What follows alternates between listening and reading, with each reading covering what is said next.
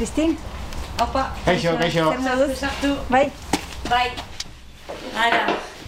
Bakarrik hau astindu eta kitxo. Hemen txongi izango da?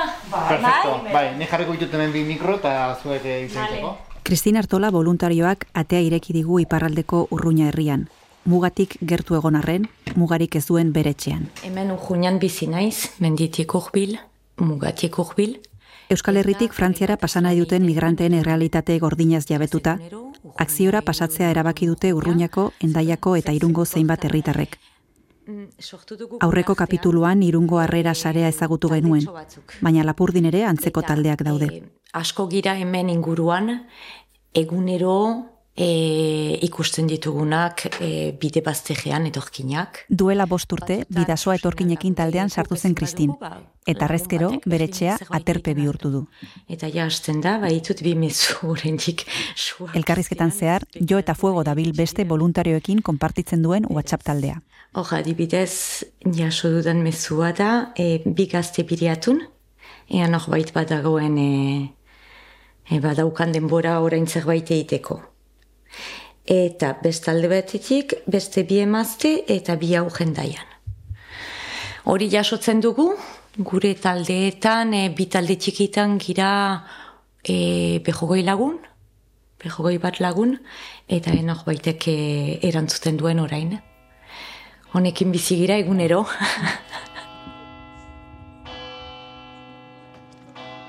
Apa, egunon. Eguerdion. Eguerdion, Bueno, bai. guardion. Bueno, hemen ez dakit ja. Ah, ume eta guztitor naiz. Bai, badakigu duzu, bai. Egon gara orain. Ametsar zaiuz bertsolaria endaiarra da, eta egun Sara herrian bizi da. Antxe elkartu gara berarekin. Larun mendira begira dagoen parke batean. Ametsek ere barru-barruan du muga. Orbantzen ez den zauri baten antzera.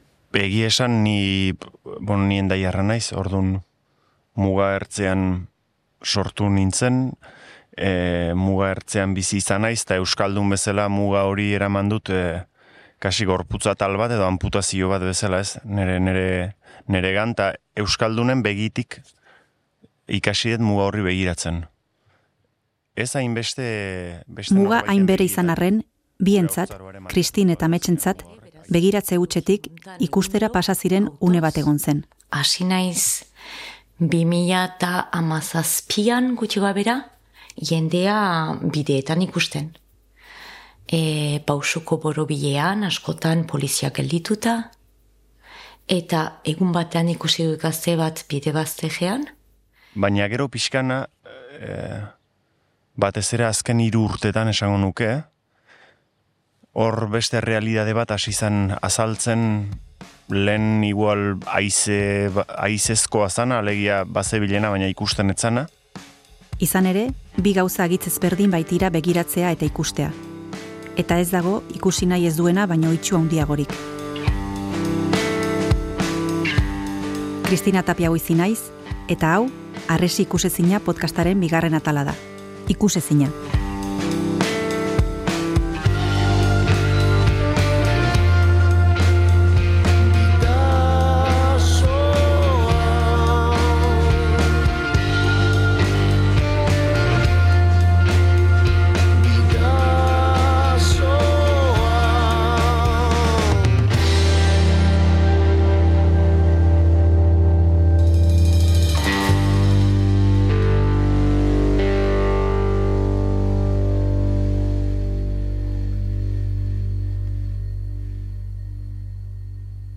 Denok dugu gure lehenbizikoa.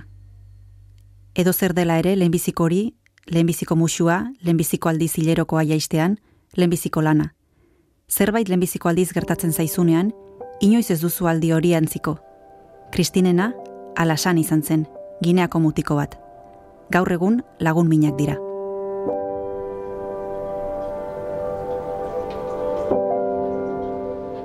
justu lehenago ikusi nituen hiru Afrikar geldituak poliziarekin autobusaren zain e, zirenean, eta segitzen nuen e, autoan, eta ikusten dut piskatu junago bat bakarrik, eta iduriz e, begiratzen, poliziari begiratzen ari, eta eskapatzen ari, gelditu nintzen, eta eskaini nion laguntza.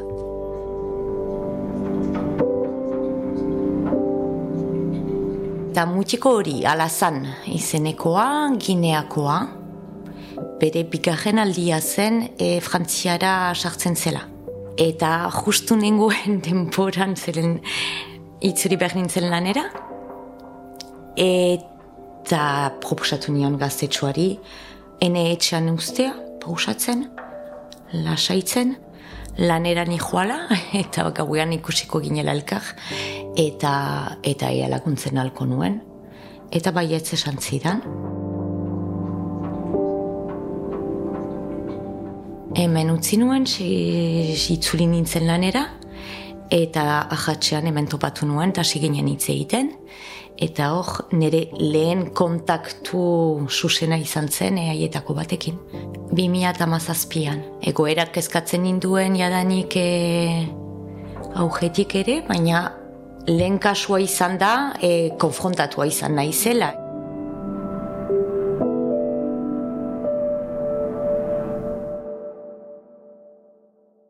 Astero, Kristinek bost pasei migrante hartzen ditu bere etxean.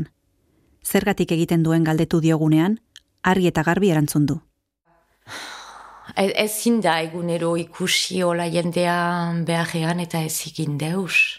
Aste untan lagundu ditugu irurogoi, irurogoi lagun. Lagundu esan nahi du, edo e, eraman baionaraino, edo etxe batetik pasa, edo batzutan pixka gehiago, baina... Sukaldetik egongela rustikora pasagara. Lurrean, piztu berria dagoen tximiniaren ondoan, iruzpalau koltsoi handi daude. Baita migrantei usteko arropaz betetako poltsak ere. E, ger- ber, ber izan ezkero, hemen e, sei pertsonak lo egiten aldute hemen koltsoiek ditugu. E, Zu bakarrik bizi zara? nire bi aujekin, laguntzen naute ere, jendea dagoenean. Lutsi nire alaba handiak e, berak astapenean deitzen ninduen jendea ikusizkero, eta ikasi du nola egin, eta orain deitzen hau esateko, ba ama, e, hiru hartu ditut, e, baionara teramaten ditut orain, eh? Edo, e, hiru baditut, e, zindut baionara, jo, baionaraino joan, eramaten ditut etxerat. Eta, ara, ja implikatuak dira haiek ere, Zorionak amets. Txapeldunaren azken agujarekin. Amets Arzaiu Santia.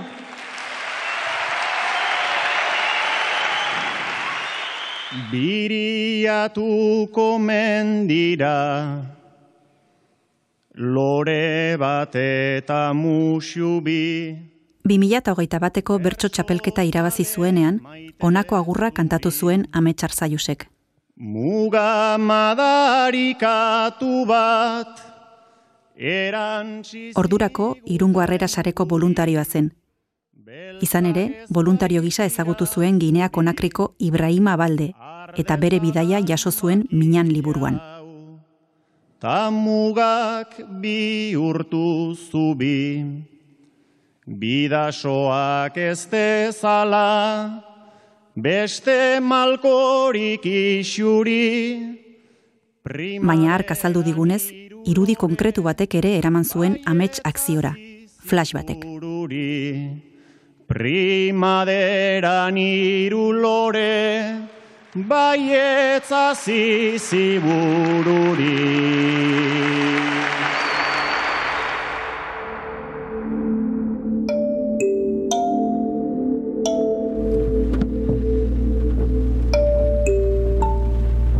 Autopistan nentorrela, berso afari batetik bueltan gauian igual, ezakit, ez, noiz izango zan ostria larun bat bat, baina gau bat, eta gau euritsu bat, eta autopista bazeran behobiara iristear neola, gazte batzuk dozena bat edo, motxila txiki batekin autopista bazterretik oinez, eta gaina donostiko norabidean. Intuitu nun norabidez kontra zijoaztela, gaina beren norabide na- natural edo behartuaren kontra. Eta gero autopistan pasatzen zara, eta ja, pff, flash bat bezala gelditzen zaizu, eza hor- horrek markatu nindun. Eta bono ja irungo harrera sarea hasi ezan azaltzen, komunikabidetan, hau eta ura, eta ba hola, interneten telefono bat aurkitu nun, eta deitu nun. Pff, gorputzak eskatzen dizu momentu batian ez, ja, eh, hainbat argazki flash gertakizun estena ikusi dituzu, eta deitu nun, eta holaxe urbildu nintzen, ba, bilera batea.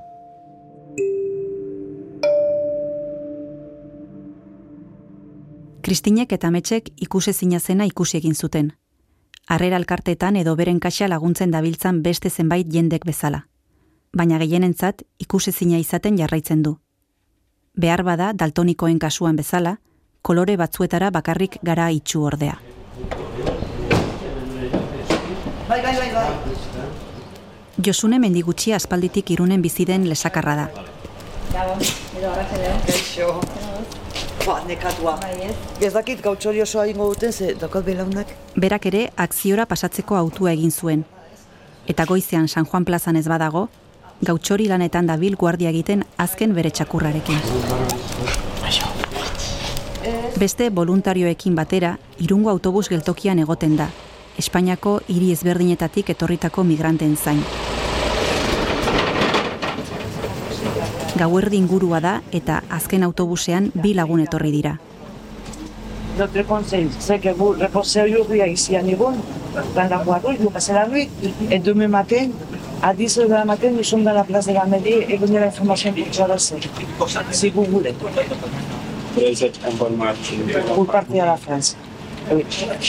Josunek bere kotxean hartu eta gurutze gorriko aterpera eraman ditu. Deskantzatu ahal izateko.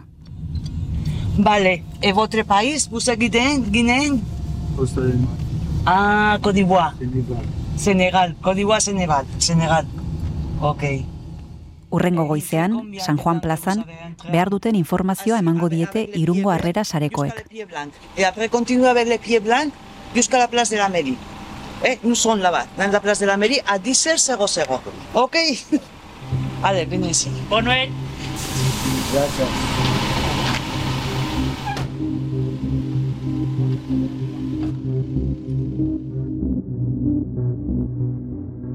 Migranteek pairatzen duten ikustezintasun hori askotan sotila ere bada.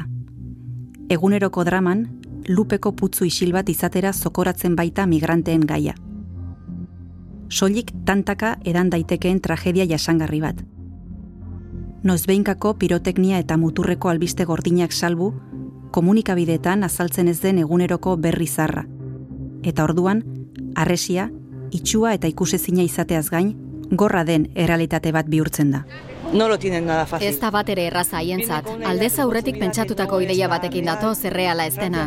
Frantziak ez ditu maite, Europak ez ditu maite. Zuriak izango balira eta begi urdinak edukiko balituzte, ez dakit, ezberdina izango zen. Marokok Sánchez jaunarekin akordioa sinatu ondoren, egoera korapilatu egin da Afrikan. Eta ez diete uzten ateratzen, lehenago ateratzen ziren tokitik. Beragotik atera behar izaten dira. Bidea gehiago zaildu zaie, arriskutsuagoa da. Ia larogoita mar lagun hil dira azken bi asteotan. De. Albiste horiek ez dira inon agertzen. Atzo, telediarioko lehenbiziko berria zera izan zen, errege emeritua Espainiara etorriko dela. Jo, ze guai. Albiste hauek ez dute telediarioa irekitzen. Esto, después de cuatro años... Lau pues, urteren ondoren egoera normalizatu No egin da. la Ez du atentzioa deitzen. Nik hemen panelak jartzen ditut patera bat ondoratzen den bakoitzean eta norbait hiltzen denean. Dena xe-xe jartzen dut eta hogeita hamabost pertsonako bat gelditzen da. Eta gian, iruzkin bat egiten dizute. Baina normalizatuta dago. Está normalizado. Ya somos Plazako altzariak la plaza, gara. La. Dagoeneko egoerak ez du atentzioa deitzen, baina hemen hogei lagun daude. Haien aurpegiak ikusten ditugu. Haiekin solasten gara, txantxetan ibiltzen gara. Eta ez dakigu bihar hauetako bat bidasoan hilda agertuko den. Alguno de estos va a ser un cadáver en el Vidasoa.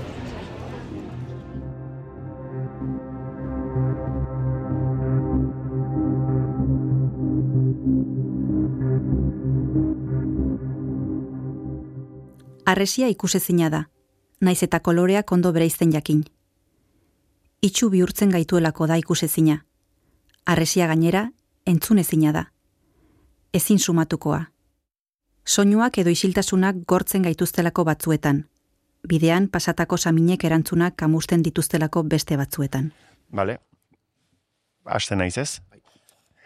Ni ginean sortu nintzen, baina ez ginea bisaun, ez ekuatore ginean. Bada beste ginea bat konakri duena hiriburutzat. Sei herrialderekin egiten du muga. Hiru esango dizkizut. Senegal, Sierra Leona eta Mali. Han gertatu nintzen sortu. Horrela hasten da minan liburua. Amets Arzaiusek Ibrahima Balderekin batera idatzitakoa. Bertsolariak orduak eta orduak eman zituen Ginearraren abentura entzuten. Bere herria utzi zuen anaiaren bila joateko, basamortuan bizitza galtzeko zorian egon zen, gaixotasun larria eta indarkeria ezagutu zituen. Esperientzia gogor hartatik liburu ezin ederragoa sortu zen ordea. Naiz eta protagonistarentzat oso zaila izan zen berriz ere dena kontatzea. Ez, ez, ez, bat ere erresa izan niretzat, baina zailena harentzat izan da, noski.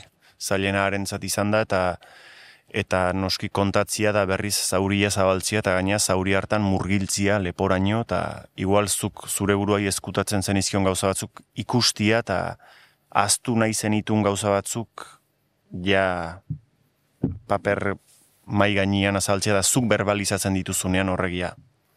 Hartzen du atzera bueltarik gabeko e, gertakizun frogatu bat bezala galitzena zeuk ere berbalizatu dituzu. Igual zure memorian saiatzen zea babesten ez. Eta ordun gogorra izan da, oso gogorra izan da. Berak esaten duen bezala momentu baten askotan esaten zuen da tarteka bere refleksio zatiak sartu ditut ez da. Beretza kontatzia da modu baten berriz bizitzia. Eta ni kontura zen izan, ze begirada zeretzian neri begira zen igual zuzentzen zuen beste alde batera eta han zeon sartu da. Gaur egun Madrilen bizi da Ibrahima. Mekaniko gisa lan egiten du eta asilo eskaeraren zain jarraitzen du oraindik.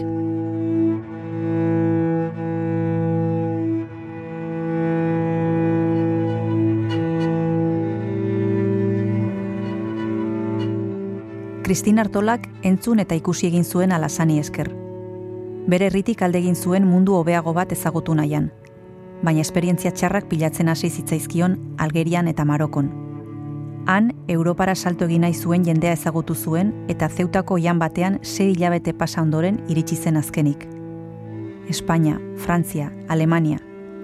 Handik bota eta berriro hasi behar izan zuen. Frantziara joan zen eta siloaren zain dago. Zazpi hizkuntza hitz egiten ditu eta lan kontratuak izan ditu mai gainean. Urte mordo bat darama Europan, baina paperik gabe jarraitzen du alasanek. Tipo bat mahua, argia, iristen den e, toki guzietara sortzen du bere sarea.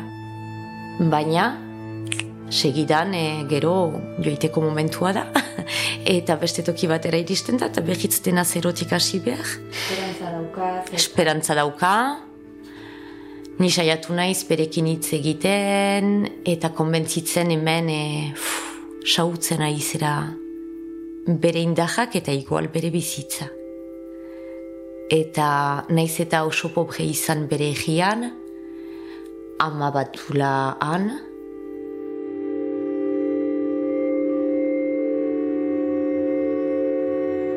Total, askotan ejan joat pentsatu zongi, ez litzateke hobe zure egira itzultzea, laguntzen alzaitut. Ze batzutan egunat iristen dira eta igual naiz eta itzuri nahi ezin.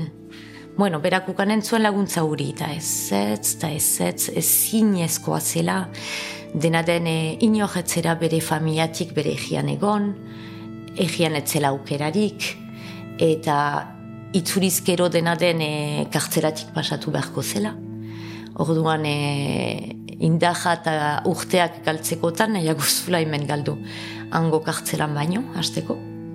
Gehi e, haientzako da da lotxa, da, da zerbait ezin sumitu, bero aratsartu deuskabe, zeren arati e, onaino etortzeko, askotan berak adibidez alazanek pasatu zuen bi urte bidean, bere egitikunat, eta bi urte horietan noski lan egin izan du, eta denetarik ikusi izan du, eta dene, denetarik pairatu behar izan du. Baina ala ere, joiteko momentuan familiaren laguntza ukandu. Ezin da esku utxik itzuli. Ezin da.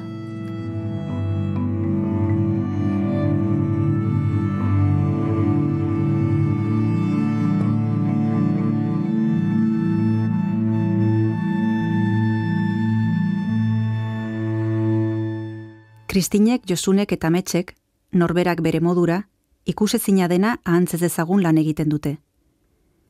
Behar bada, ikuse zintasuna bera, denak talde bezala hartzetik hasten da. Migranteak dira besterik gabe. Kategoria bat, edo gauza abstraktu bat soilik balitz bezala. Izen eta bizenik gabekoa.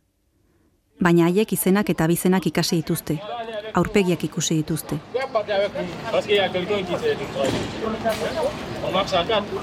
Guk ere zenbait ahots entzun eta hainbat aurpegi ikusi ditugu Irungo San Juan plazan. Pero no vaya a salir en la... En naiz telebistan agertuko, ez da? Solo es la voz, solo es la voz. Eh, querríamos saber lo primero, ¿cuántos años tienes? Yo, yo tengo 22. Hogeita bi ¿De urte. dónde eres? De Guinea. Gineakoa. Eh, ¿Cómo ha sido el camino? Esos cuatro años, ¿cómo han sido? Pues... Nesta... Ez da erraza izan. Gineatik Senegalera, Senegaletik Bolikostara, gero Malira, Malitik Mauritaniara, eta Mauritaniatik Marokora, eta Marokotik Espainiara. Izena jartzen hasten garenean, izan hartzen du bakoitzaren bizipenak.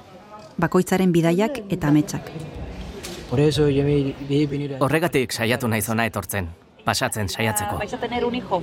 Mira. Alaba bat. Sí. Mm, felicidades. Vale, gracias. Eskerrik asko. Eh, ¿Qué tal está Ella bien? no, no sabe... Berak ez du gaztelania hitz egiten. Gertaera bat izan dute, horregatik dugu harremana. Larun batean pasa ziren. Oso ongi, baina atzo baionatik bordelerako autobusa hartu zuten. Kontrola. Komisariera eraman zituzten. Egun osoa igaro zuten. Negar asko egin du eta oso nekatuta dago. De... ¿De cuántos meses está embarazada? Siete, ¿no? Ia zazpi. Wow. Tiene una fin. El mes que viene. Datorren hilean zazpi hilabete. ¿Es vuestra primera hija? Sí, Bai, ¿Habéis pensado el nombre? claro que... bai, baina ez dut nahi berak jakitea. ¿Y sabe el nombre de? Eta orduan hasten gara ulertzen, zergatik, zertarako, nondik, nora. Ez talde bat bezala, baizik eta azkenean ere pertsona bezala ikusten ditugunean. Y ahora lo vais a intentar hoy también. Sí, voy a intentar. ¿Juntos? Cada vez sí, no va a llegar atrás de mí. Por eso quiero intentar para con ella siempre. No, no. No para, ¿eh? Pues por eso. Pues mucha suerte. Vale, gracias. Es que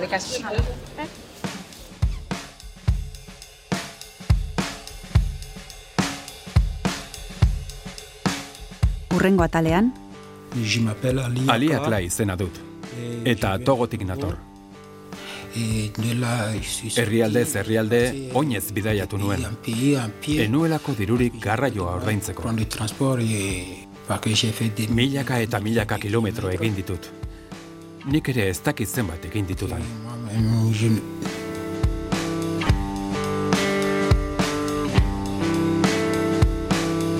Arresi ikusezina Ulu Mediak EITB podcastentzat egindako serie dokumental bat da, eta Gipuzkoako foru aldundiak diruz lagundu du. Zuzendari eta ekoizle lanak nik neuk egin ditut. Xabier Etxeberria, Martin Etxeberria eta nik gidoia zarduratu gara. Grabazioak Juan G. Andresek eta Oier Arantzabalek egin dituzte. Muntaia eta soinu diseinua Juan G. Andresek eta Oier Arantzabalek egin dituzte. Silvia Tapia itzultzaile lanak egin ditu, eta sintonia gisa erabilitako kanta, bidasoa, Willis Drummond taldearena da. Gure eskerrik beroenak emanai dizkiegu irungo harrera sarea, iparraldea etorkinekin eta utopia elkartei. Voluntarioei eta proiektu honetan parte hartu duten guziei, bereziki irundik pasadiren migrantei. Haiei eskainita dago podcast hau. Gogoratu, EITB podcasten edo audioak entzuteko darabiltzun dena delako plataforman entzun dezakezula arresi ikusezina. Arpidetu eta gustoko baldima duzu familia eta lagun artean zabaldu.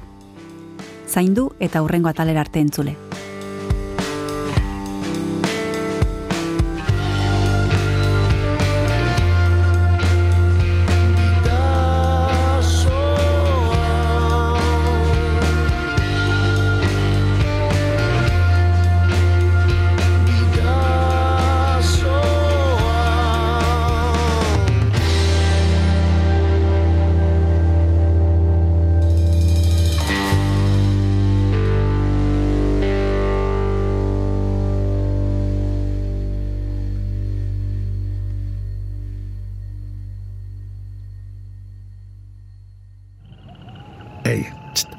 Zona Unlum Media.